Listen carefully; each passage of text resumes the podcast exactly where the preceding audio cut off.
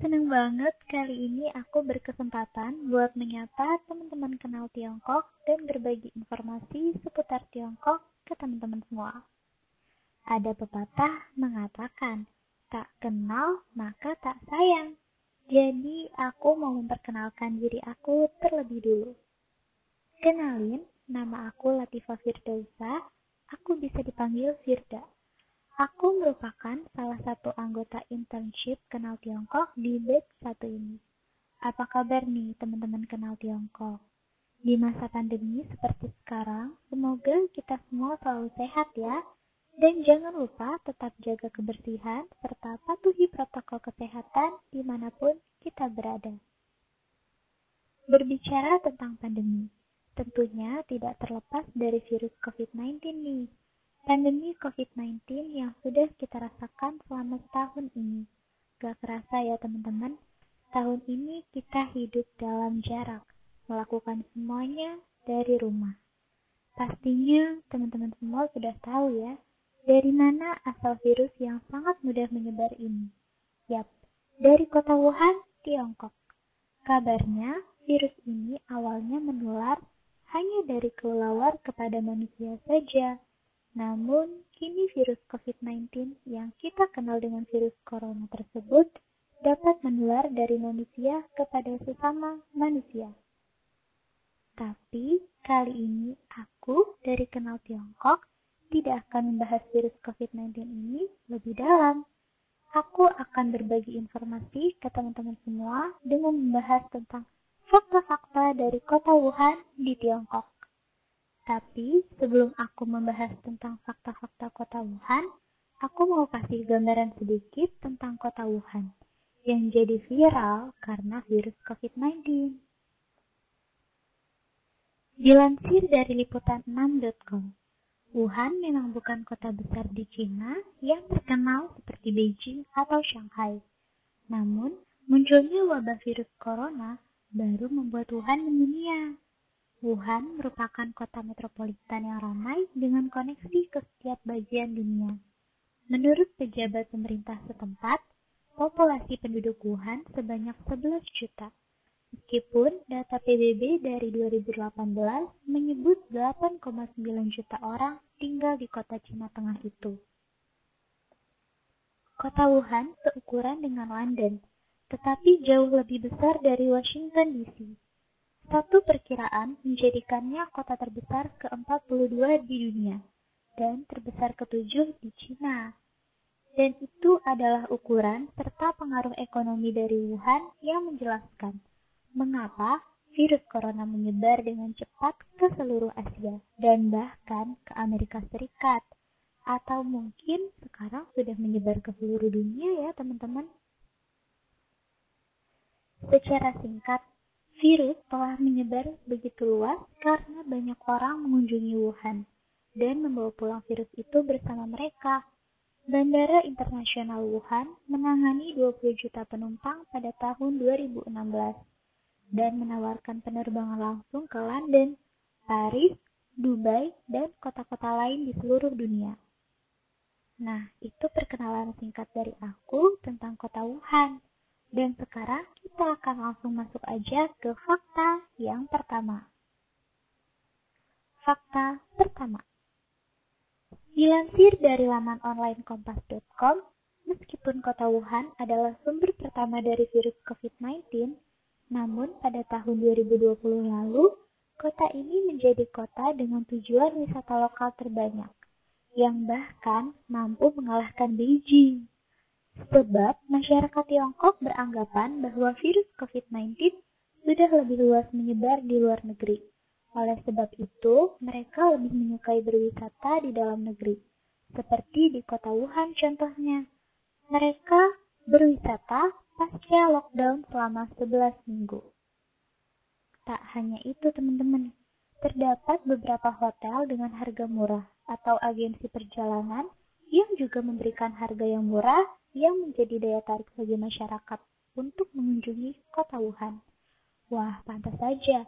Wuhan menjadi kota dengan tujuan wisata lokal terbanyak ya. Harga hotel dan agensi perjalanannya aja murah. Siapa sih yang gak tertarik dengan harga murah? Selain itu, masyarakat Wuhan sudah melakukan lockdown selama 11 minggu.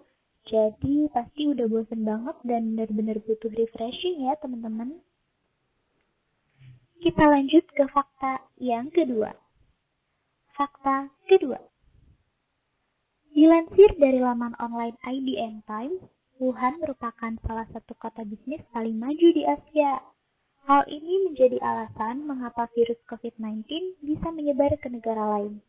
Banyak orang yang melakukan perjalanan bisnis ke Wuhan, sehingga begitu kembali ke negaranya dan terkena virus COVID-19, maka mereka akan menularkannya ke orang terdekat.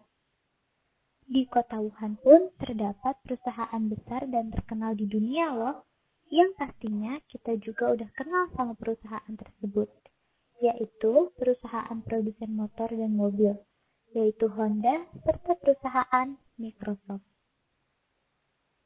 Kita lanjut ke fakta yang ketiga. Masih dilansir dari laman online IDN Times. Selain sebagai pusat bisnis, kota Wuhan juga merupakan pusat transportasi dan perdagangan. Kota Wuhan merupakan titik pertemuan rute maritim, sungai, kereta api, dan transportasi jalan lainnya dari berbagai penjuru. Sebagai pusat dari rute-rute pertemuan ini, Wuhan telah menjadi tempat pengumpulan dan distributor utama untuk produk-produk seperti produk kapas, teh, sutra, kayu, hingga minyak tung. Kita beralih ke fakta yang keempat. Fakta keempat. Fakta berikut juga dilansir dari laman online IDN Times. Wuhan juga dikenal sebagai salah satu kota yang paling bersejarah di Tiongkok loh. Kota Wuhan terdaftar sebagai salah satu kota bersejarah di Tiongkok pada tahun 1986. Sebagai salah satu kota bersejarah di Tiongkok, Wuhan memiliki peninggalan bersejarah yang telah berusia ribuan tahun. Peninggalan bersejarah yang menjadi saksi bisu keadaan kota Wuhan sejak 3.500 tahun yang lalu ini digali di sebuah makam kuno. Selain itu, terdapat objek wisata lain yang terkenal di Wuhan, yaitu ada Museum Provinsi Hubei, Menara Yellow Crane Tower, Guiyuan Temple, Mulan Mountain, dan Wuhan Yangtze River Bridge. Nah, Wuhan Yangtze River Bridge ini merupakan jembatan yang dibangun di atas sungai Yangtze. Sungai ini diyakini sebagai sungai terpanjang di dunia nomor tiga setelah sungai Amazon dan sungai Nil. Tempat-tempat ini mungkin bisa dijadikan referensi ketika teman-teman berkunjung ke kota Wuhan nih. Kalau kamu punya kesempatan buat berkunjung ke Wuhan, jangan lupa beli oleh-oleh yang paling populer di kota Wuhan dan oleh-oleh ini kerap dibawa pulang oleh wisatawan, yaitu ada patung giok, Jiangling, dan bunga sutra. Fakta kelima. Dilansir dari laman online Kumparan Travel, kota Wuhan terkenal dengan street food dan makanan pedasnya nih. Kayaknya buat para pecinta kuliner atau teman-teman yang suka sama makanan pedas, wajib nih coba jajan di Wuhan.